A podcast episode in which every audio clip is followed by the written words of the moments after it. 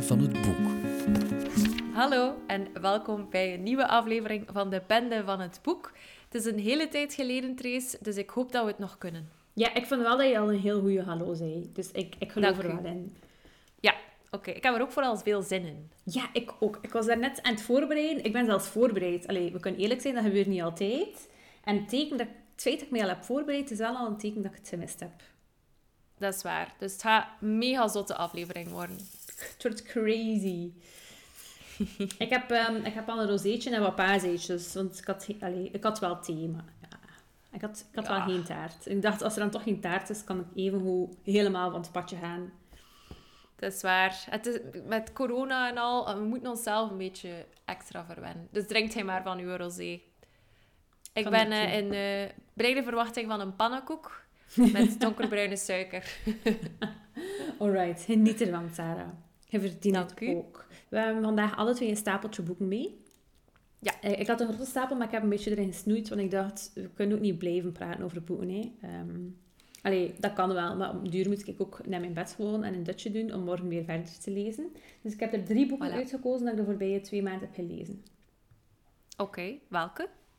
Ik heb ehm, Langs de rivier van Esther Kinski, ehm, De Vermiste van Maneschijn van Christelle Dabo en From Hell van Alan Moore en Eddie Campbell. Mhm. Dus er zit zowel wat variatie in vandaag. Yes, ik voel het. En wat heb je mee, Oké. Sarah? Eh, ik heb twee boeken mee, namelijk Mijn Lieve Gunsteling van Marieke Lucas Rijneveld. Ik heb daar in de vorige podcast nu en dan al iets over gezegd, dat, dat, zo, dat ik daar graag een keer wou over babbelen. En dan ook de nieuwe van Lise Spit, eh, Ik ben er niet, die ligt hier klaar om besproken te worden. Dus zij is er eigenlijk wel. Ze is er wel. Alright. Ja. Oké, dat wordt een boeiende aflevering. Over welk boek wil je dat ik eerst praat? Misschien over dat van Christelle Daboos, omdat ik dat ook wil lezen. Ah, juist. Ja, Dus- je hebt het ook liggen waarschijnlijk, hè? Ja, het ligt klaar. Ja, wij hebben vorig jaar ehm, het eerste deel gekregen ehm, van de, de, de, de Spiegelpassantenreeks, heet het. Het is een reeks van vier boeken van Christelle Daboos, eh origineel in het Frans uitgegeven en nu wordt die ook vertaald. We hebben al een aflevering gedaan over het eerste boek, De IJzige Verloofde. Dus als je eh, super geïnteresseerd bent, luister ook zeker een keer naar die. Maar nu hebben we dus het vervolg gekregen. En ik moet wel zeggen, dat stond eigenlijk al in mijn agenda wanneer het vervolg uitkwam, want ik was heel nieuwsgierig. Het is echt zo een boek dat ik... allee, het eerste boek heb ik super snel uitgelezen. Ehm, wat dat ook niet onlogisch was, want toen zaten we echt nog in die eerste weken van de lockdown. En dat Mhm. was echt zo van, oh my god, wat is deze wereld? Ik wil hier weg. En Nu- het leest ook gewoon super vlot. Ja, zeker. En we zitten nog altijd een klein beetje in die dingen van, oh my god, wat is deze wereld? Ik wil hier weg. En het tweede deel heb ik echt even snel gelezen. Drie dagen en dat was uit. Ehm, maar, dus voor de mensen die het niet kennen, ik ga misschien eerst iets meer vertellen over de schrijfster. Dus Christelle Daboos is een Franse schrijfster, ze woont in België. Ze is eigenlijk afgestudeerd als bibliothecaris, maar op een bepaald moment is ze ziek geworden, lag ze vrij in haar bed gekluisterd en dan is ze beginnen schrijven. Ehm, ik heb gelezen dat zij heeft laten inspireren door een aantal dingen. Een daarvan zijn de animatiefilms van Miyazaki. Eh, voor je dat die niet kent, dat is bijvoorbeeld Howl's Moving Castle. Ehm, dat zijn heel veel Studio Ghibli-films, dus check die zeker een keer op Netflix. Die zijn superleuk. En ik heb ook echt zo'n beeld in mijn hoofd als ik die boeken lees, dus dat is wel cool. Eh, een van haar andere inspiraties is ook Philip Pullman, die ik ook heel graag lees. Ehm, en daarmee heeft ze bijvoorbeeld gemeen, Philip Pullman schrijft ook jeugdboeken, maar met heel veel filosofie in. En dat is hier ook wel een klein beetje zo. Er, zeker in het tweede boek, en eigenlijk ook wel in het derde, dat ik ondertussen al geluisterd heb, oeps, ehm, zit er ook wel echt zo wat filosofie, wat vraagstukken, religieuze vraagstukken en zo zitten daar ook in. Dus dat heeft ze er ook wel mee gemeen. Ehm, en wat ik ook las, en dat vond ik wel cute, is dat ze... ehm, Ik ga even gewoon eh, Wikipedia citeren. Oh, straks nog een grappig Wikipedia, weet je. Ik ga eerst Wikipedia citeren. Ook haar nieuwe thuishaven België komt terug in haar werk. Eh Daboos inspireerde zich op Wallonië om Anima, de woonplaats van haar heldin, en zijn bewoners te creëren. Grappig, hè? Want, eh, dus ik ga nu iets meer vertellen over het boek, want anders weet je niet waarover dat gaat. Maar ehm, eh, de spiegelpassanten vindt plaats in een wereld waarin dat ehm, de verschillende landen slash continenten eigenlijk van elkaar losgebroken zijn en rondzweven als een soort van arken. En ons hoofdpersonage komt van Anima en dat is een zo'n heel bucolische ark. Weet je, het is daar zo wat landelijk, iedereen is daar gelukkig, iedereen is er ook familie van elkaar. Het is echt Wallonië. ik denk dat er ook wel wat incest is, waarmee ik echt niets wil zeggen over Wallonië. Dus het is echt een schattige, een schattige ark en blijkbaar is dat daarop geïnspireerd. Ik vond dat cute.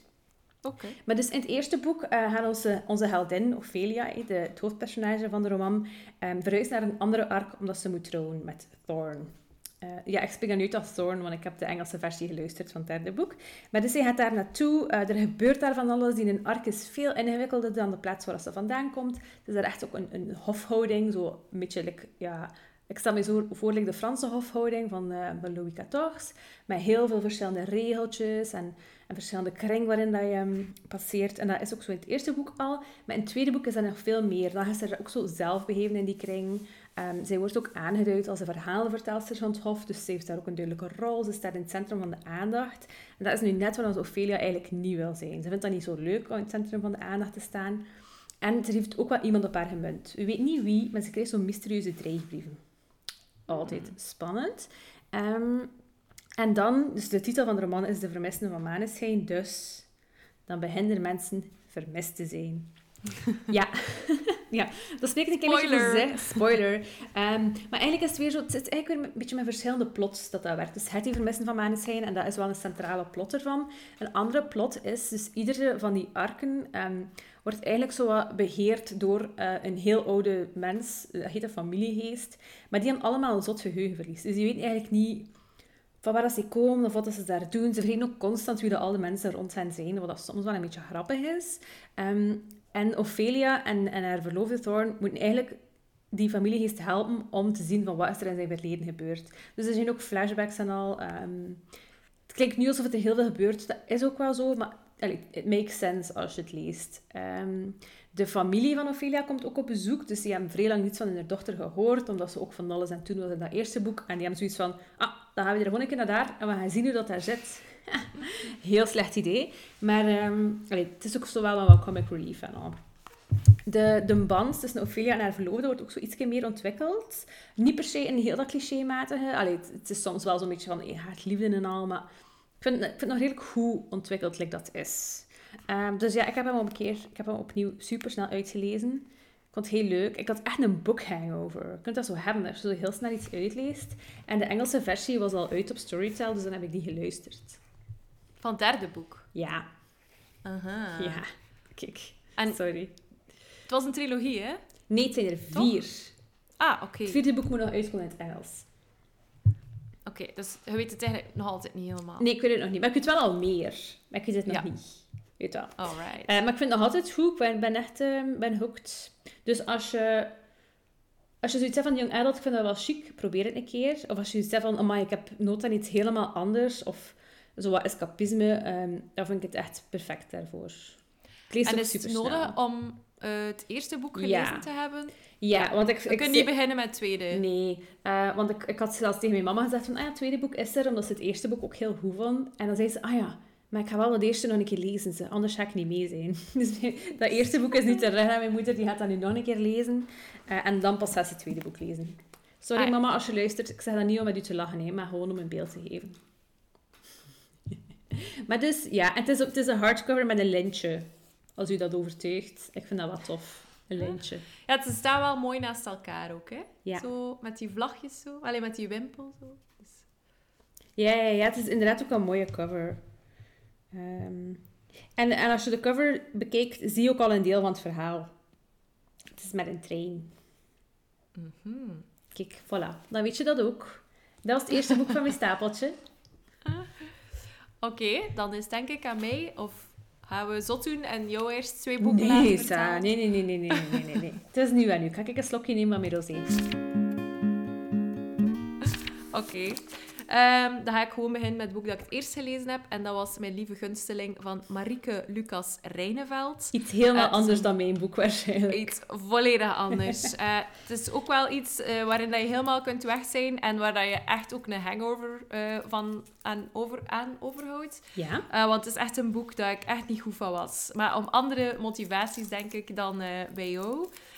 Um, misschien eerst ook een beetje over ons Marieke. Uh, mm -hmm. Sorry. Ik wil een paas Ik ben het lachen met de manier waarop dat Trace paas eitjes eet. Sorry. Dus uh, ja, Marieke. Marieke Lucas Reineveld, die heet eigenlijk, of die is geboren als Marieke Reineveld. En zij wil zich eigenlijk niet als vrouw of als man profileren. Vandaar dat ze, ehm, ik denk in 2010 of zo, eh, de naam Lucas heeft toegevoegd uh, aan Zodat ze naam. nog kan kiezen. En het is ook iets dat wel in de roman zit. Het hoofdpersonage is ook iemand die zo... is een meisje, maar ze wil eigenlijk ook... Of ze is wel geboeid door het... Uh, ja, door, door wat dat zou zijn om een jongen te zijn. Maar daarover later meer. Dus het is wel een thema dat heel sterk uh, in haar boek naar voren kwam. Ja. Ook. Het is ook Ze is gewoon geboren- commercieel slim dat ze dat nu al erbij zet. Allee, als zij nu bekend is als... Of als hen nu Ja. bekend is als Marieke Lucas Reineveld. Eh, als dat dan op een duur wordt Lucas Reineveld, dan kennen die mensen, kennen mensen die naam al. Ik denk dat dat Mhm. ook... ehm Marjolein Februari is een van naam... Zijn naam dan ook veranderd in Maxime Februari. En het is ook... Ik weet niet of dat iedereen dat dan helemaal duidelijk vindt van... Zijn, is dat, zijn dat twee dezelfde mensen of niet? Mhm. Terwijl hier heb je dat dan wel iets minder. Ja, maar ik, ik dacht, ik had een interview met haar gelezen in de Standaard, dat zij dit oké vindt. Dat ze niet iets heeft van, ik neig meer naar het een of het ander. Dus daarom vind ik het wel kloppend of zo, dat Ja. je dan ook twee namen hebt. Mhm. Voilà. Eh, maar verder kan ik daar eigenlijk geen oordeel over vellen, want ik weet daar eigenlijk allemaal niet zoveel over. Ik denk dat dat iedereen gewoon moet zijn wie dat hij wil zijn. En hopelijk kan dat gewoon.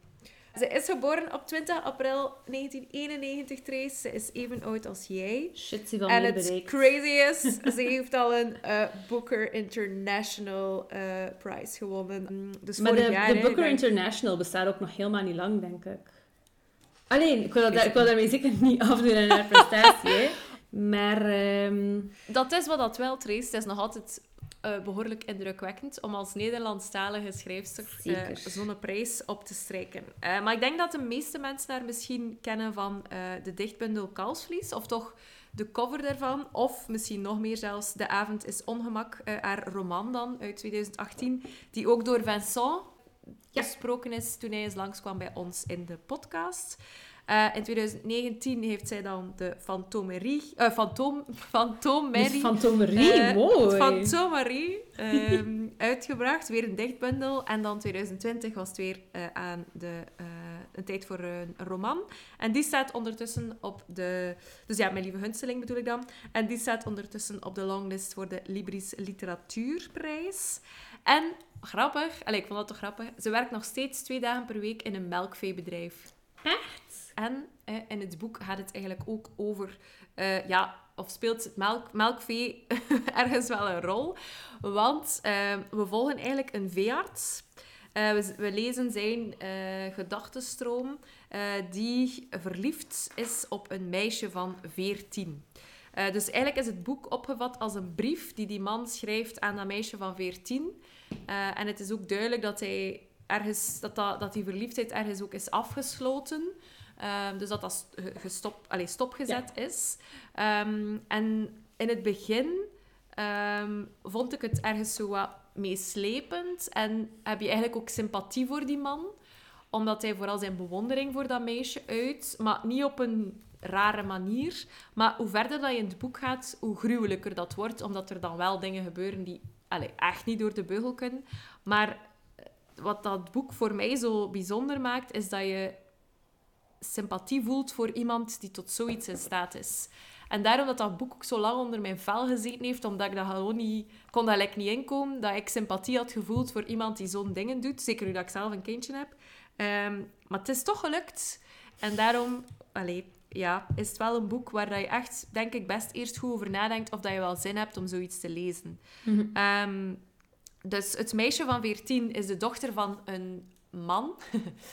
ja, dat gebeurt. eh, die een melkveebedrijf heeft. Ehm, en beetje bij beetje wordt duidelijk dat dat gezin eigenlijk eh, al van in het begin eh getornd is of zo. Dus dat meisje heeft haar broer verloren in een ongeval. Maar er wordt daar zo niet over gesproken in dat gezin. Dat is zo wat taboe. Mhm. Ehm, en de enige mensen die nog overblijven zijn dus die vader, het meisje, eh, nog een andere broer. En de moeder die is eigenlijk weggegaan na, omdat zij dat verlies niet kon verwerken. Ja. Eh, dus eigenlijk heb je dat meisje die duidelijk worstelt met van alles. eh, die, die moet opgroeien zonder die moeder. Die ook ja, langzaamaan vrouw wordt. Die zoveel vragen heeft. maar daar dus met niemand kan over praten. Die ook dat gesprek van, waar, van die afwezige moeder gewoon met niemand kan aangaan. En dan is er de veearts die dat merkt en die ook voelt dat dat meisje ergens zeer gevoelig is, dat zij ook ehm, muziek beluistert en bezig is met cultuur, dat eigenlijk veel te complex is eh, voor een kind van 14. Maar hij speelt daarop in en zij vindt eigenlijk in de eerste plaats een soort ja, troostfiguur in die vader. Dus in het begin is eh, die vader, in die veearts. Dus in het begin is het eigenlijk zo wat een soort, ja, eigenlijk zelfs wel een soort mooie band. Maar er sluipt heel vlug iets manipulatief in, waardoor dat je wel voelt, dat gaat hier echt niet goed, dat gaat hier ontsporen.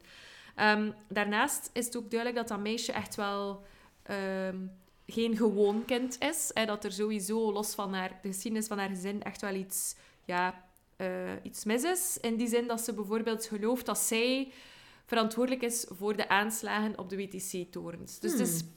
Het is iets heel complex. En je zegt misschien, hmm, maar door het boek te lezen begrijp je het. Like. Je hebt niet direct iets van, wow, die is koekoe. Maar het is zo mooi opgebouwd dat je like, vooral snapt, amai, dat meisje heeft gewoon een te groot verdriet gekend als kind. En zij heeft ergens een schuldgevoel over dat ongeval. En ze projecteert dat dan gewoon op iets dat ze in diezelfde periode op tv heeft gezien. En ze gaat daar ergens een soort... Um, ja, haarzelf daar een, een beter gevoel bij geven. Omdat zij kan zeggen, kijk, dat is allemaal mijn schuld. En daarom is dat gebeurd. Dus oké, dat is niet de manier waarop dat zou moeten. Maar als je nu eenmaal een persoon bent die duidelijk allez, ergens een psychisch probleem of dat er ergens iets mis is, daar, daarin slaagt Rijneveld wel om dat gelijk allemaal geloofwaardig neer te zetten. Dus dat is zo wat kader. Ehm, dus eigenlijk komt erop neer dat dat meisje gewoon totaal niet weet hoe dat zou moeten voelen, dat iemand u gewoon graag ziet. En zij mhm. zoekt bij allemaal mensen van, zie mij graag. Dus bij, die, bij haar eigen vader, maar die kan dat niet. Dat is echt zo, ja, het cliché van een, iemand, van een man die niet over zijn gevoelens kan praten. Van een melkboer. Haar broer is een beetje ouder en die is gewoon uh, met drugs en feestjes bezig. Um, dus daar kan ze ook niet bij terecht. En dan is er plots die begripvolle man die, die ook zo wat dingen voor haar meebrengt. Um, en die ook naar haar luistert. En dat is het vooral. Daarmee begint het dat zij iemand zoekt die haar begrijpt. En dat ontspoort gewoon gigantisch. Um, ja, dat, dat is... Ik ga niet zeggen wat er allemaal gebeurt. Daarvoor moet je uiteraard het boek lezen. En, en als je zegt, oké, ik kan dat wel aan, laat je ook overvallen door al die gevoelens. Want eigenlijk is het, ik denk, het grootste aan dat boek is dat je, ja, dat je dat hoofdpersonage begrijpt. En ook dat hij wordt neergezet als een mens en niet als een monster of zo. Mhm. En dat is denk ik het, het, het grote taboe hè, van dat boek. Dat je een, een ja, iemand die een kind misbruikt op, op, op, op verschillende vlakken, ook als een mens neerschrijft. Um, voilà, dus dat is het. En daarnaast, naast het, de inhoud en zo, ja, haar taal is fantastisch mooi. Er zijn passages dat gewoon echt een paar pagina's één zin is. En die jou gewoon ja, helemaal mee, meenemen. Dus ja, het is niet voor iedereen weggelegd. Ik weet ook niet aan wie dat ik het moet aanraden. Maar ik ben wel blij dat ik het gelezen heb. Ook al was ik er gelijk... Ja, niet goed van. Niet goed van, ja. Mm voilà. Maar dat, dat maakt ook een boek goed, hè. Zeker. Dus, uh, als dat zo onder je vel kan kruipen, maar ja, dat is... Uh... Had ook gewoon kunnen denken van, eh, vies, ik ga het wegleggen. Ja, maar het was al te ver. En ik denk dat dat ook opnieuw het talent is van Reineveld. Dat ze eerst zorgt dat je er helemaal in mee bent. Dat je die man ook ergens begrijpt. Uh, dat je ook gewoon wel weten van hoe loopt dat hier in godsnaam af? Wat gebeurt er nog allemaal? Zodanig dat je het ergens moet uitlezen om zo wat closure te hebben of zo. Mm nee, dus uh, ja, voilà. Dat was mijn eerste boek. Kijk, komt weer allemaal een beetje terug. Gaat op de rand van mijn tafel. Ja. Voilà. Oké, okay, het is weer aan jou, Trace. Ja, is het, heb je iets dat zo een beetje luchtiger is of een beetje vrolijker? Want ja, mijn lieve hunsteling is toch wel zo... Ik ga, het, ja, ik ga iets, ga, ja, ik ga iets anders nemen. Ik ga iets anders nemen. Ja, ik ga iets vertellen over Langs de rivier van Esther Kinski. Uh, misschien ken je Esther Kinski haar naam nog. Ze heeft een paar jaar geleden een soort van boekenhit gehad met kreupelhout.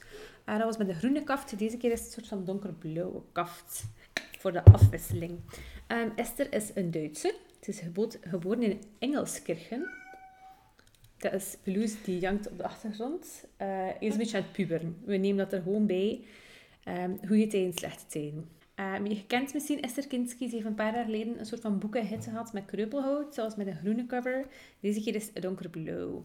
Um, alles voor de afwisseling. Maar ons Esther is geboren in Engelskirchen in Duitsland. Ik vond dat een schattige naam, Engelskirchen. Ik vond dat wel cute. Um, ze is uh, dichter, ze is essayist, romancier en ze is ook literair vertaler uit het Pools, Russisch en Engels. Dus ze is wel echt een beetje een polyglot, uh, want ja, ze praat ook Duits, neem ik aan. Um, ze heeft al prijzen gewonnen voor haar vertaling en dan dacht ze van, ah, dat heb ik nu al gedaan. Uh, dus dan is ze ook dichtbundels gaan doen en, um, en gewoon boeken.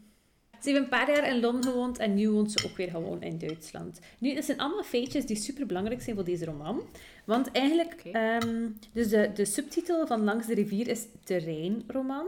Um, in het Engels is dat Grove, a field novel. En ik zie hier ook de Duitse titel staan, maar ik kan daar niets over zeggen, want ik kan geen Duits. Um, maar het feit dat Grove a field novel heet, vond ik wel al vrij sprekend. Want bij ons heet het gewoon Langs de rivier, maar een grove dat is effectief zo een bosje dat langs de rivier staat. Dat is vaak zo wat, een paar bomen die zo wat overhalen. Dat is dan een grove. Um, dus dat is wel interessant. En omdat ze praat heel veel over zo'n plekken in de rivier. Dus echt een terrein, de field. Eigenlijk is het aan de hand van plekken waar ze is geweest, van rivieren waar ze langs heeft gewandeld, vertelt ze allemaal verhalen. Het is niet helemaal duidelijk wat dat nu fictie is of non-fictie. Uh, bijvoorbeeld, ons personage is een Duitse die ook in Londen heeft gewoond. We, gaan ook, we zijn ook in de Canada, we gaan ook naar Polen, we gaan ook naar India. Waar het een rivier loopt, ze is er geweest en ze heeft er langs gememerd. Maar dus langs de rivier leest echt een beetje als, als een soort van dagboek van iemand die zo een beetje memert over wat, wat is er allemaal gebeurd in mijn kindertijd, in haar adolescentie, uh, in haar vroege volwassenheid. Het is mij ook niet altijd helemaal duidelijk van, is dat nu van één iemand of van verschillende personen? Want op een bepaald moment is het dan bijvoorbeeld een kind, maar dat komt in haar later leven helemaal niet meer terug. Zonder dat je precies leest van wat is er daarmee gebeurd. Um, dus het zijn eigenlijk meer heel verhalende stukken poëzie die elkaar opvolgen dan echt een duidelijk verhaal. Er is geen plot eigenlijk. Uh, maar er zijn wel terugkerende okay. personages dat je leert kennen. Um, maar de, de stijl is ook heel poëtisch. Maar het is, als je iets zegt van, ik wil echt een, een, verhaal lezen en ik wil op het einde weten hoe dat afloopt, ja, dat is deze roman wel echt niet. Um, ik weet zelfs niet hoe je het een roman kunt noemen. Maar het is wel iets heel bijzonders. Ik heb het wel graag gelezen. Maar het is, het is eigenlijk meer een... Ja, dat klinkt nu mega stom. Maar het is eigenlijk meer iets dat je moet ervaren dat, dat je gewoon moet lezen en een beetje laten passeren. Dat je echt... Like, ik kan u wel niet meer zeggen, van, wat, heeft, wat heeft dat personage allemaal meegemaakt. Ik kan u dat niet zeggen. Maar het is zo ja. het gevoel dat u bijblijft. Ja, de sfeer of zo. Ja, ik kan er misschien een paar stukjes voorlezen. Ik heb superveel mm. omgeplooid. Um, Oké, okay. uh, ik ga gewoon een keer beginnen. Ik ga gewoon een keer beginnen.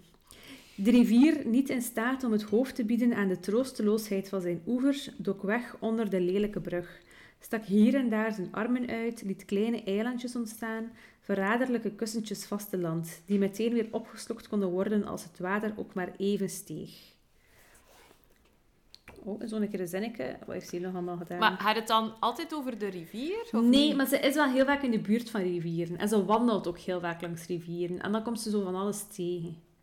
Dus het zijn wel vaak beschrijving van het landschap of zo? Ja, maar dan praat ze bijvoorbeeld ook met mensen als ze daar passeert. Of, zo, of ze heeft een herinnering terwijl het aan de rivier is van een andere rivier. Dus bijvoorbeeld, ze vertelt nu bijvoorbeeld over een ander personage. Um, ze zegt, de verhalen die ze vertelde waren treurig. Afschuwelijk zelfs. Maar ze maakte ze nooit af. Ze eindigden in een leegte, in het niets. De overgroottante, een schitterend mens, een Oosterse prinses, door het lot in een kilvreemd land terechtgekomen, gleed met een joelende menigte achter zich aan op een rinkelende armslee het donker van een geo binnen die de rest van haar leven opslokte. De aan de tering leidende oom, een dappere kleermaker in een ver land, opgejaagd over moeilijk begaanbaar terrein met een onhandige koffer bij zich, viel in het midden van zijn vlucht in een gat in haar zin en verdween. Ze sloot haar mond en hij werd nooit meer teruggezien. Dus ze praat over haar personages die eigenlijk hun verhaal nooit echt afmaken, waardoor je niet weet wat er gebeurt. Maar eigenlijk dus dat zelf ook een klein beetje. Omdat je, je kunt nooit helemaal plaatsen wie dat iemand is en wat dat dan overkomt. Oké.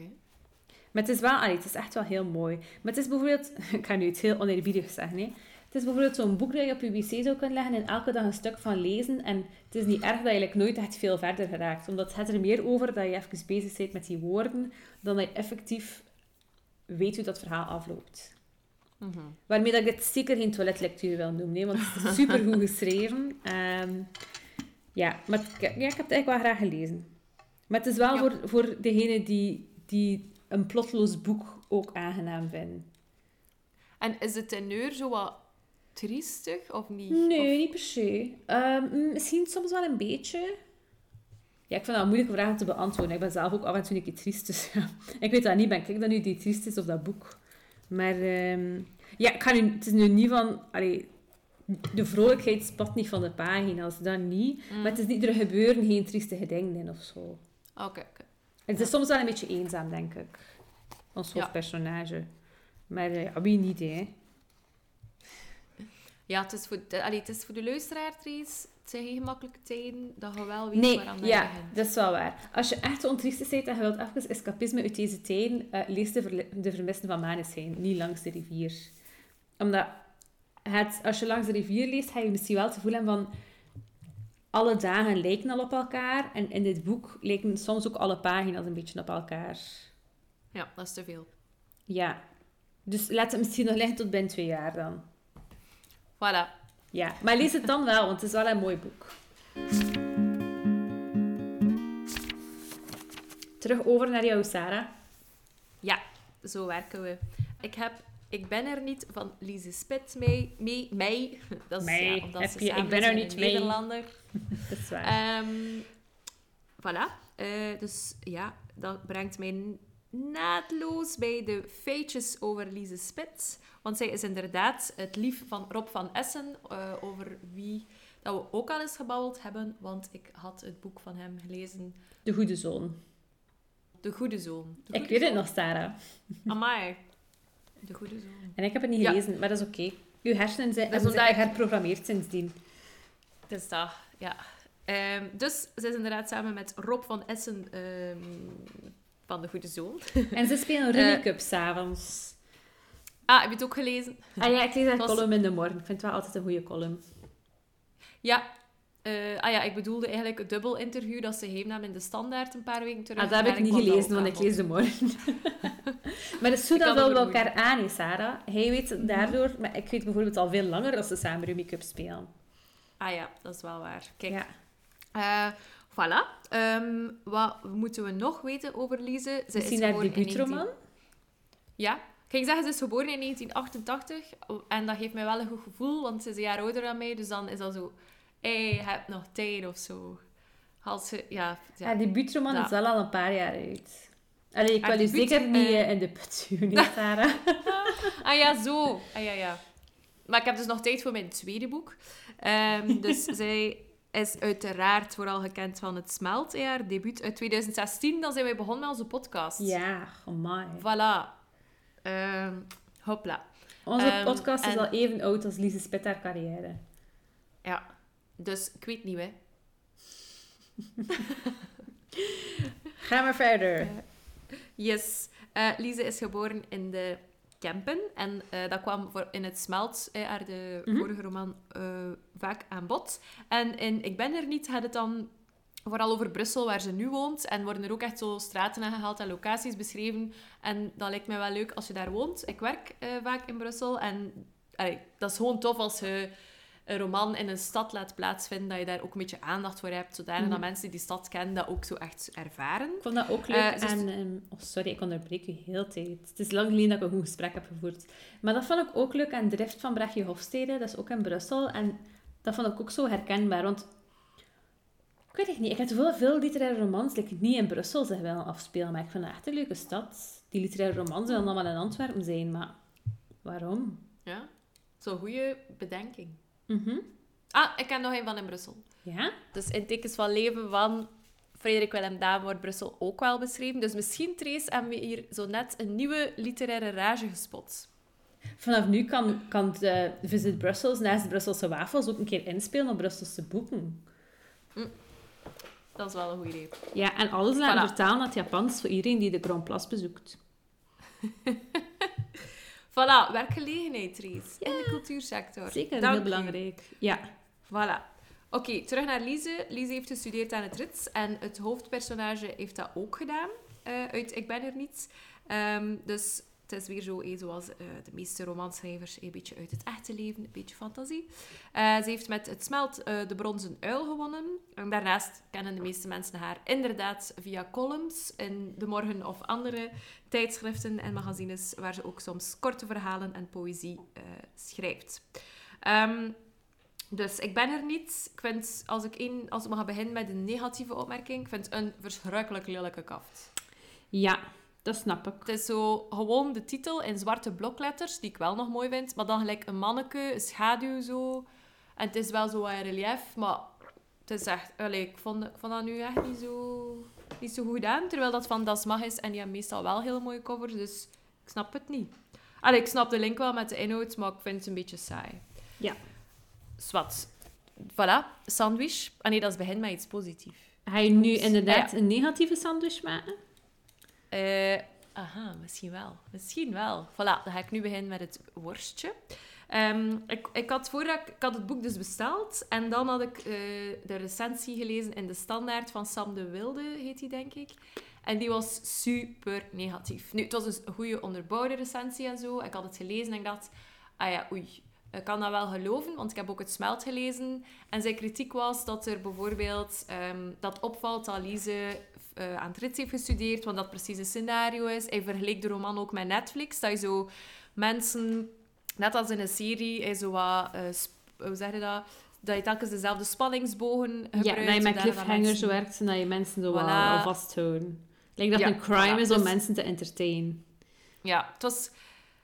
Ja, dat was misschien niet de beste vergelijking, maar ergens snapte ik wel zijn, zijn eh, recent... Allee, allee, zijn commentaar louter met het smelt te hebben gelezen. Ja, Eh, dus hij zei bijvoorbeeld, hey, het is een vrij dik boek, het is 550 pagina's of zo. en het smelt is was ook dunneke. dik, ja.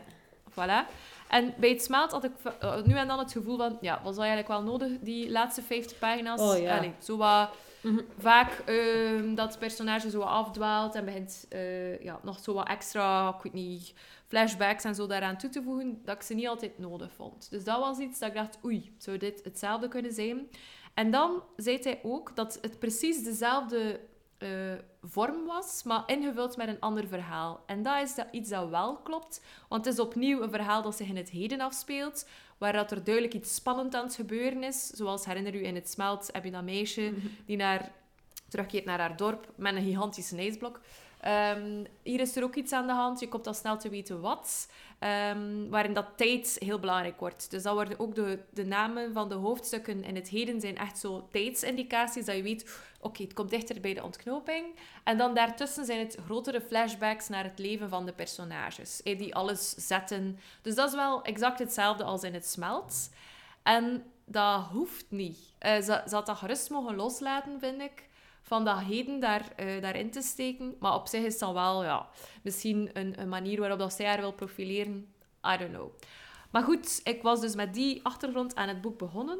Ehm, en ik vond het een supergoed boek. Ik heb er echt van de eerste tot de laatste pagina... Het is inderdaad misschien, als je dat een kenmerk van Netflix vindt, I don't know. Maar ik heb het echt verslonden. Ik heb, het, ik heb er eh, zo vaak als ik kon in gelezen. Ook zo, weet je wel, als je aan het ontbijten zijn en zo. Mhm. Ehm, of je vijf minuutjes koffie drinkt. Ehm, het is qua taal... Lise Spits, we moeten daar niet onnozel over doen. Die schrijft gewoon superzalig. Haar Mhm. columns ook. Je leest dat gewoon graag. Ehm, en inderdaad, er wordt wel wat in uitgeweken en uitgedacht. Maar anders dan het smelt, vond ik dat het nooit onterecht was. Ik heb geen enkele passage gelezen dat ik dacht... "Oh, moest dat nu gelijk... eh, of ja, ik heb hier nu 50 pagina's gelezen en iets dat echt niet zo nodig was of zo. Dus dat had ik echt niet bij. Ik ben er niet. Maar nu zeg ik al mijn mening. En weet je nog niet eens waarover dat boek gaat? Ik ging zeggen, Sarah, vertel waarover dat boek gaat. Voilà. Dus kijk, een keer iets anders, hè, al. Ehm, goed, waarover gaat het boek? Ehm, we volgen een koppel, Leo en Simon. En Leo is een meisje. In het begin had ik dat niet door. ik dacht dat twee jongens waren. My fault. Ehm, en eh, die zijn al super lang samen. Tien jaar of zo. Ehm, en ze zijn heel, heel, heel hard op elkaar ingespeeld. Het is zo'n koppel dat zo goed wel met elkaar vergroeid is. En die eigenlijk niet zoveel vrienden daar, daarnaast nog hebben. Eh, maar die gewoon elkaar gevonden hebben op een moment dat ze een beetje in dezelfde situatie zaten. En ze hebben gewoon elkaar... Ze zijn zodanig op elkaar beginnen steunen dat ze echt niet meer zonder elkaar kunnen. Dus het is niet zo het verliefde eh, passionele koppel of zo, maar wel zo echt een blok. Zo, Ja. zo, je weet wel, zo twee mensen die in elkaar passen en elkaar door en door kennen, denken ze.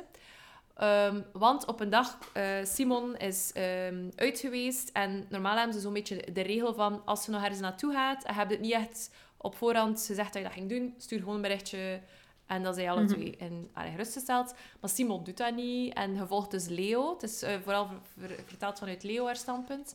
Ehm, en je, ziet, eh, je voelt echt, het is, zo, het, is, het is herkenbaar, je voelt van die ongerustheid die toeneemt. Eh, eerst zo eh, dat, je, dat je wat kwaad bent, maar ook vooral ongerust. En dan is, de, is het voicemail, bla bla bla. En dan komt hij een paar uur later toe en zij eerst zo opgelucht. Maar dan merk je dat hij zat is. Nu ben ik het precies vanuit mijn eigen aan het. Ja, Sarah, heb je dat al veel meegemaakt? Nee, nee, nee. Ehm, en dan ehm, is, is Simon hij is super enthousiast. En dan heeft hij blijkbaar een tattoo laten zetten op zijn oor. Eh, dat is mega raar, terwijl dat echt niets is voor die persoon.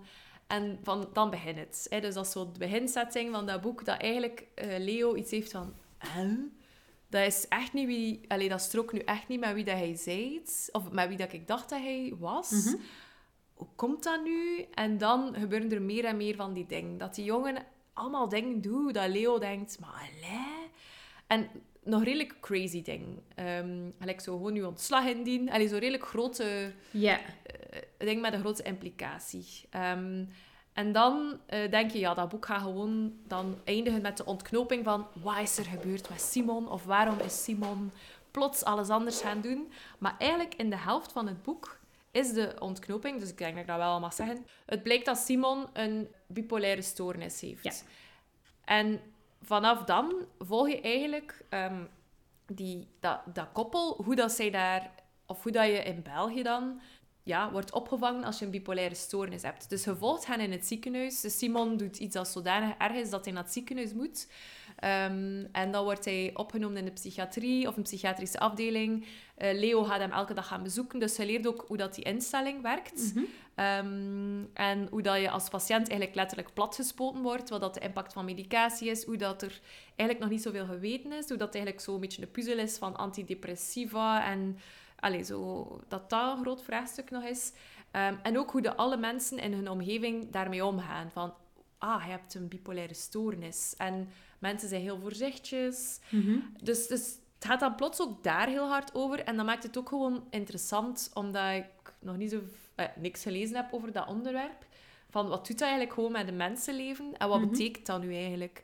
Ehm, dus ja, inhoudelijk gebeurt er dan na- natuurlijk van alles, dus dat ga ik niet vertellen. Maar het is eigenlijk een tweeledige roman, hè, waarin je die personages leert kennen van wat dat er allemaal gebeurd is, waarom dat die zo'n samenhangend koppel waren. Dus je hebt dat mooie verhaal van hoe dat die zo in elkaar vervlochten geworden zijn. En dan ook zo dat bipolaire van, fuck, wat, wat is dat eigenlijk? En daarom vond ik dat wel een heel sterke roman. Dat, dat, is echt niet voor te lachen, hè. Ehm, dus en we zo- lachten. ja, we lachen, voilà. Ehm, dus voor mij, oké, de recensie en de standaard eh, had waarschijnlijk wel... Allee, had, had duidelijk ook wel ergens gelijk of zo. Maar ik vond dat eigenlijk helemaal niet erg. Want op die manier heb ik op een ontspannende manier A, een goed verhaal gelezen. En B, iets bijgeleerd over de impact van bipolariteit op, op mensenlevens. En wat dat, dat concreet wil zeggen. Ehm, allee, ik denk dat je wel een beetje een beeld of een idee hebt van dat allee, dat, dat ook eh, met manische toestanden is en dan met heel enthousiaste periodes en zo. Maar dan zie je dat gewoon heel concreet vertaald naar heel kleine dingen. Naar, eh, ja, eh, dus dat dat ook u als koppel uiteraard voor een gigantische uitdaging stelt. Van wat doe je als uw lief plots bipolair wordt verklaard? Ja, dat verandert nogal veel. Mhm. Ehm, dus, dus het gaat ook daarover, van, dat je zelf tegenkomt als partner, van hoe ver wil je gaan, hoe ver- moet je daar ook in meegaan, wat kun je wel doen, wat moet je niet doen. Ehm, dus ja, ik vond, allee, ik was aangenaam verrast. En ja, eh, ja, kijk, ik vind het eigenlijk wel echt een aanrader. Oké, ik zal hem dan En- een keer leden, is het goed? Ja, het is goed. Het is, een, het is een dik boek, maar ik heb het wel relatief snel uitgelezen. Ehm, ja, omdat ik het eigenlijk wel echt goed vond. En ik heb eh, twee passages. Eh wacht eens. Ja, dus er is één koppel Ehm, waar... Allee, dus die mensen zijn een koppel geworden omdat Leo de vrouw kende en Simon kende de man. Ja. Dus, op, dus dat is de achtergrond. Ehm, en ze, beschrijven, dus ze beschrijft dat koppel als volgt. Lotte en Koen. Eh, Lotte en Koen. Koen met een C geschreven trouwens. Dus ik denk dat ik Koen moest zeggen. Of ja, Koen, ik weet het niet. eh, waren vijvers. Roerloze wateroppervlakken met hoogstens een paar rimpels bij felle wind, terwijl Simon en ik bij de zeeën hoorden, die altijd onderhevig waren aan de getijden, met golven die zich op het land uitstortten en terugkrabbelden. Met wind die soms landinwaarts of zeeinwaarts waaide, die hevig kon zijn en schuim maakte.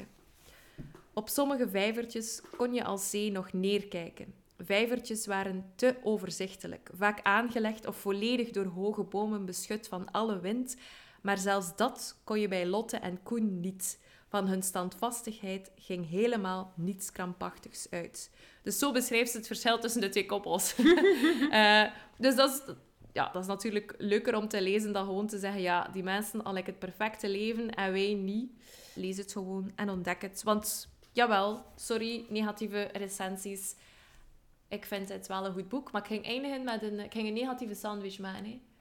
Ehm, Nou, dat hoeft niet, Sarah. Je kunt ook een open sandwich maken. Hè. ja, het is een open sandwich. Voilà. Het is terug aan u. Ja, ik heb nog één boek. Ehm, het is ook een heel dik. Ik ga het anders... Maar ik ga het niet op tafel laten. Dat gaat irritant geluid zijn als je luistert met mijn koptelefoon. Maar het is een graphic novel, From Hell, van Alan Moore en Eddie Campbell. Ik had ehm, gewoon een, een mailtje gestuurd naar de boekenwinkel van ah, wil je dat bestellen voor mij als je hem niet binnen hebt. En ik ga dat gaan halen. En dat is like, echt like, een kloef van een roman. Echt een kloef. Ehm, Nu, Een graphic novel is wel vlug dik, hè. Ja, maar is like, wel echt nog dikker dan alle graphic novels dat ik heb gelezen. Die Is, ja, maar is ook wel heel goed. Ehm, From Hell, je kent het misschien van de film. Dat is verfilmd geweest met Johnny Depp, toen dat Johnny Depp nog een, een goede acteur was. Ehm, Zo'n twintig jaar geleden ondertussen waarschijnlijk, denk ik. Maar, ehm, dus origineel is een graphic novel.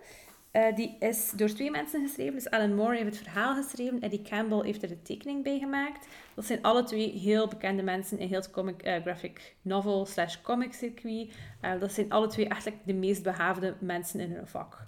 Ehm, Alan Moore heeft bijvoorbeeld ook Watchmen geschreven en V for Vendetta. Eh, Watchmen is ook een serie, V for Vendetta is een film. Als je die niet gezien hebt, ook wel aanraders. Hij heeft wel zo'n heel kenmer- kenmerkende, een beetje sombere stijl. Het is ook niet, niet om te zeggen van, lees dat, gaat er bij de vrolijk van worden. Ehm, de, ja, het is ook volledig een zwart-witte graphic novel.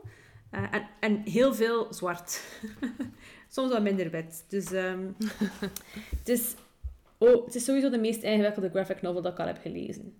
Eh, ik heb nog niet superveel graphic novels gelezen, dus dat kan ook daarin liggen. Maar ehm, het vertelt eigenlijk het verhaal, of ja, een, een theorie over het verhaal van Jack the Ripper. Dus dat was een seriemoordenaar in het Londen van het einde van de 19e eeuw. Ehm, en die vermoordde vooral prostituees. Ehm, dus dat is is een- makkelijk, eigenlijk. ja, maar ja, dat was ook op zich, die had, niet- die had niet, ja, waarschijnlijk vandaag nog altijd geen supergoeie bescherming, toen zeker niet. Ehm, en er zijn superveel theorieën over die moorden, van wie heeft er dat nu gedaan, wat was de motivatie, waarom heeft de politie die niet opgepakt. En dit is een... eh, Alan Moore en Eddie Campbell hebben superveel onderzoek gedaan. Er is ook een mega dikke appendix, waarvan ik niet wist dat hij er was. Want het boek gelezen met de boekenclub van het werk. We waren aan het praten over de roman. En dan begon iedereen zo te zeggen van... Ja, amai, en zijn je helemaal door die appendix geraakt? En ik had zoiets van... Zijn jullie zelfs begonnen aan die appendix? ik had al niet door dat hij er was, want ik was gewoon aan het lezen. Maar inderdaad, op drie, ja, op drie kwart van het boek is de, de, de graphic novel eigenlijk gedaan. En is er gewoon tekst. En ik had zoiets van, anders zijn gewoon wat extraatjes. Maar ik dacht, ja, ik denk wel dat ik mee ben in het boek, dus ik moet dat niet lezen. Maar dus het is echt een hele uitleg over wat dat er, waarvoor dat er wel bronnen zijn ehm, om te bevestigen dat het effectief zo gebeurd is en waarvoor niet, wat dat er dus effectief verzonnen is. Is echt crazy, maar ik heb dat allemaal niet gelezen. Het is, maar het is echt heel veel informatie. Maar zelfs zonder die appendix komt er al superveel historische informatie langs. Ik zal je zeggen wat dat de theorie is volgens dit boek van de Jack the Ripper moorden. Hè. Ja. Dus ehm, de zoon of de kleinzoon van Queen Victoria zou in het geniep getrouwd zijn met, um, met een shopgirl, gewoon een meisje dat een winkel werkte en met daar een kind aan gekregen. Nu, dat mag helemaal niet. Ja, als je royalty zit, kijk naar Harry en Meghan, wordt er wel gekeken naar wie dat je, met wie dat trouwt en met wie dat je kinderen krijgt en al. Dus dat kon helemaal niet zijn. Dus is dat, um, is, uh, die, die kleinzoon van de queen is daar weggehaald uit dat huwelijk. Die vrouw hebben ze ondergebracht in een asylum. En dat kind is ook weggehaald bij die moeder. Um, en ze dachten dat daarmee alles opgelost was. Is dan die, die moeder hebben ze zelfs een lobotomie laten ondergaan, zodat ze gewoon niet meer wist wie dat ze was, waar dat ze was, whatever. Um, en ze dachten, hiermee is de kous af. Niemand gaat dat weten dat de lid van de royal family gewoon getrouwd is met, met, een, met een meisje dat in de winkel werkte. Maar er waren, um, dat meisje had ook vriendin. En er waren eigenlijk vier prostituees die wel in geldnood zaten omdat ze ook afgedreigd werden van alles. Het was echt zo'n beetje de gure onderbuik van Lon. Mhm. En um, die vrouw denkt van, ah, maar weet je, misschien kunnen we gewoon wat, wat geld aftroggelen van de royal family. Um, en dan zijn we ook op ons gemak. Op zich, ja. Geen domme gedachte. Waarom niet? Uh, behalve dat Queen Victoria zoiets had van, ja, niet met mij, hè. En die stuurt daar haar physician op af. Dus dat is dan eigenlijk Jack the Ripper in dit boek. Um, even zijn naam kwijt. Gull. Ja, Gull. Stuurt hem erop af. En die heeft zoiets, dat, is, uh, dat was ook een vrijmetselaar, en die, die heeft lekker in zijn hoofd dat hij eigenlijk een soort van goddelijke missie aan het uitvoeren is, en dat hij die prostituees vermoordt. Maar het is echt, het wordt ook vrij plastisch gebracht. Um, sommige stukken zijn echt, allee, het is gewoon een tekening in zwart-wit, maar dat ik zoiets had van, oh my, je ziet het bloed ervan afspatten, ook al -hmm. wordt het kleur rood zelfs niet gebruikt. Hè. Allee, bedoel, het is echt puur zwart-wit. Maar heel plastisch, heel donker ook. En um, dus hij gaat dan die prostituees gaan vermoorden, zodat ze niet dat nieuws naar buiten kunnen brengen. Maar hij haalt daar gewoon alles van occulte, esoterische dingen bij, vrijmetselaarsding. Um, hij, hij ook zo, hij doet ook zo'n hele tour door Londen met zijn chauffeur om hem helemaal van die vrijmetselarige ding uit te leggen. En het is een soort van goddelijke missie om vrouwen blijvend te onderdrukken door die prostituees te vermoorden. Nu, het is, klinkt veel logischer in het boek dan als ik het nu uitleg. Um, maar het is wel, allee, qua verhaal zit het supergoed in elkaar. Um, het, is, ja, het is een theorie. uh, en als je de appendix leest, staat er helemaal in van dit, dit is effectief zo, dit hebben ze erbij verzonnen, dit kan zelfs niet zo zijn. Um, ze hebben zich ook deels gebaseerd op een theorie dat Stephen King ook al had. Um, dus ja, je moet wel een beetje thuis zijn in de wereld van die theorieën, of totaal niet. Ik ben daar niet in thuis en ik wil dat boek ook graag lezen. Ik, ik heb zoiets van, als je het perfect kunt lezen en snappen zonder de appendix te lezen, waarom zou je het dan lezen? Ik, ik heb dan liever dat het op zichzelf staat. En ik ben misschien ook een beetje lui. Beide zijn mogelijk. Um, maar dat is dus het verhaal. Dus je volgt echt... Je weet ook van in het begin wie dat die de moordenaar is. Dat is anders dan in de film. Ah, in de film volg je de politieagent. En wordt je beetje bij beetje duidelijk van wie, heeft er, wie zit hier allemaal achter. Maar hier beginnen we echt bij de moordenaar. Dus we weten perfect wie dat het gedaan heeft. Je ziet ook hoe dat de politie gemanipuleerd wordt. Om, ja, eigenlijk mogen zij niet handelen, want die moordenaar handelt eigenlijk op bevel van de koningin. Oh, ja. Oké, de koningin had wel niet gezegd dat hij zo vicious en, en bloederig moest zijn. Dat wel niet. Um, maar ja, die politie gaat hem niet tegenhouden. Dus ziet dan ook al die, die machinaties werken van hey, ja, machtsmisbruik, corruptie. Um, dus het is echt vuile onderbuik van Lon. Maar het is wel heel goed gebracht. Het is echt... Mm -hmm. Allee, ik moet wel zeggen, de tekening, dus, zoals ik zei, die heel donker, heel plastisch.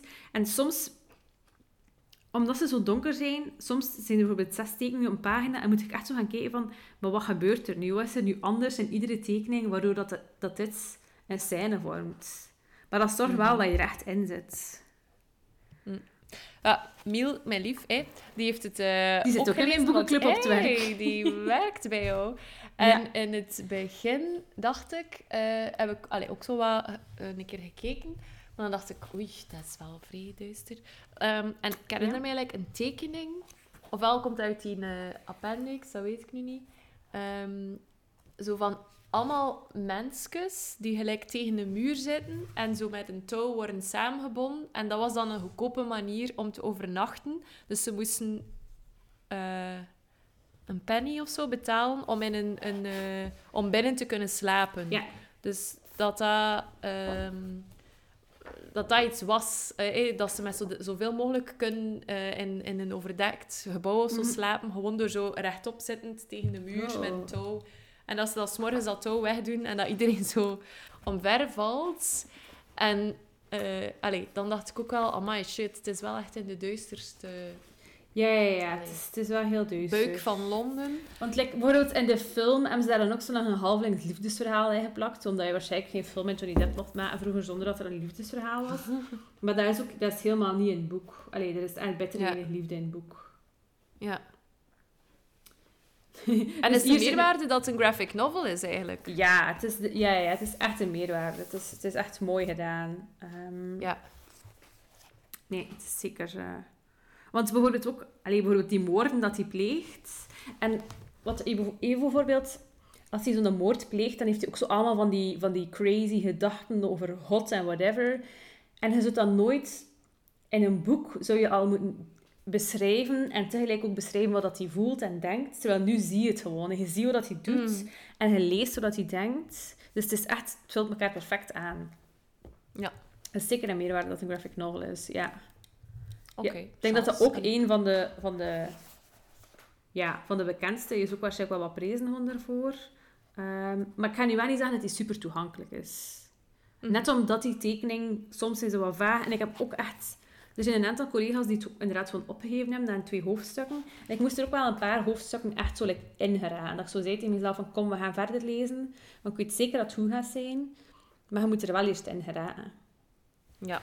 Ik denk dat ik het te eng zou vinden. Ik vind Ja, het allee, eng. is niet per se eng, maar het is wel echt ook bloederig en al. Ah ja. Ja. Dus ehm, het is niet voor iedereen. Ja. Oké. Maar ik ben Voilà. wel blij dat ik Ik- hem heb gelezen. Oké.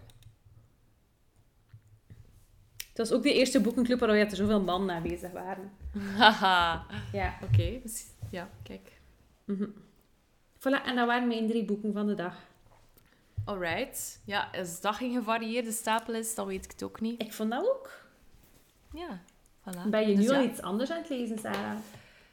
Ja, Het Klimaatverdriet. Dus van Marek Sindelke. Ja, en het is like een turquoise paarse cover. Ja, het is turquoise cover en dan staat er zo... Je weet wel, vroeger als je zo een papiertje vouwde en dan schilderde je zo op één kant iets en dan vouwde je dat en dan was die verf zo wat in Ja. spiegelbeeld en zo. Dus dat is like dat. Maar het is ook een orchidee, denk ik. Allee, ik ben nog niet zo ver, maar ik weet al dat orchideeën belangrijk zijn. En het is, zo wat, het is ook wel wat griezelig-achtig. Ik denk dat het zo wat thriller-achtig is. En het is zo wat... Ja, je, voelt dat er zo wat, uiteraard, klimaatveranderingen zijn geweest dat er wat illegaal wordt gedaan rond eh, plantenhandel of zo. Dus het hoofdpersonage tot nu toe moet gelijk een orchidee of zo naar ergens brengen. Maar dat is een mega zotte orchidee. En die worden in elkaar geslaan. Dus Oei. meer verder zit Dat is ook wel een keer gebeurd dus, in een aflevering van Midsummer Murders. maar orchideeën. Ja, ja, dat is echt geen orchidee-aflevering. Ja, ja, Sarah. Echt een classic met de oude Barnaby. Echt? Ah, Ja. oké. Misschien ga ik dan... Ja, ja kijk. Ik heb hem zeker al twee eh, keer gezien. Ik weet niet of dat echt het doel is van het boek. Nee, maar het- ik had het ook op Instagram gedeeld. En dan waren er zo veel mensen die iets hadden van... eh, ja, bijzonder verhaal. Of zo'n beetje een rare roman. En op zich kan ik het nu al begrijpen waarom. Maar ik vind het wel een leuke sfeer. En binnenkort eh, wordt de auteur ook geïnterviewd voor Passaporta Festival. En we mogen vraagjes eh, doorgeven. Oh, cool. Ehm, dus ik ga het, het lezen en dan vraagjes doorgeven. cool. Ja, voilà. En dan kan ik de antwoorden delen als we, de pod- als we het boek bespreken in de podcast. Vrij goed, Sarah. Slim. Ik ben ook iets aan het lezen. Ik ben nu aan het lezen in um, A Tale for the Time Being van Ruth Ozeki. En het is super mooi. Het is ehm, het verhaal. Het gaat eigenlijk over. Het zijn eigenlijk twee verhalen. En het ene is van een Japans meisje dat wat gepest wordt op school, dat niet goed weet wat ze doen met haar leven. Het is ook vlak voor de tsunami. Ehm, en ze schreef het allemaal in haar dagboek. En zoveel jaar later spoelde haar dagboek aan bij eh, Ruth Ozeki. Ja, die like, ook op, of toch bij een vrouw die Ruth heet. En die tel- allee, ook een Japanse moeder heeft. Dus beetje overeenkomst met Ruth Ozeki zelf. En zij schrijft dan als dat boek vindt, ze schrijft over haar leven. eh, en ook over hoe dat, eh, ja, dat ze van alles opzoekt over de dingen dat dat meisje vermeldt in, in, in haar dagboek. En like, met haar lezen we wat er allemaal gebeurt in dat dagboek. En je weet nu niet van, wat gebeurt er? Is dat, is dat dagboek daar geland door in een tsunami? Is dat meegenomen over de Atlantische Oceaan? Is dat op een of andere, andere manier bij haar terechtgekomen? Dus het is wel spannend. Het is ook heel mooi. Ik ga er zeker ook nog Cool. over vertellen. Oké, voilà. Ja. Dan hebben we al reclame gemaakt voor onze volgende podcast. Hupla. Ja. En dan bedanken we nog Jasper, Michiel, Wes en Jofra.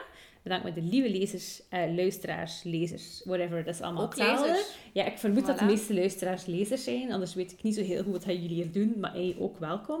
Ehm, als je meer wil weten over boeken en over ons, kun je gaan naar bendevanhetboek.com. Dan kun je daar inschrijven op onze nieuwsbrief. Of je kunt ons volgen op Instagram. Daar zijn we Bende van het Boek.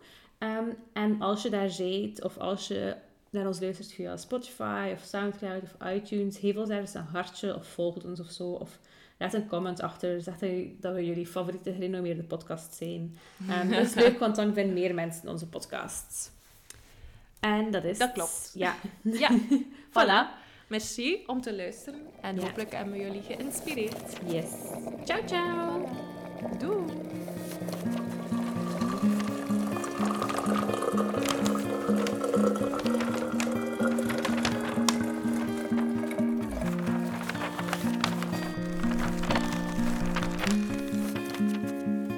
Van het boek.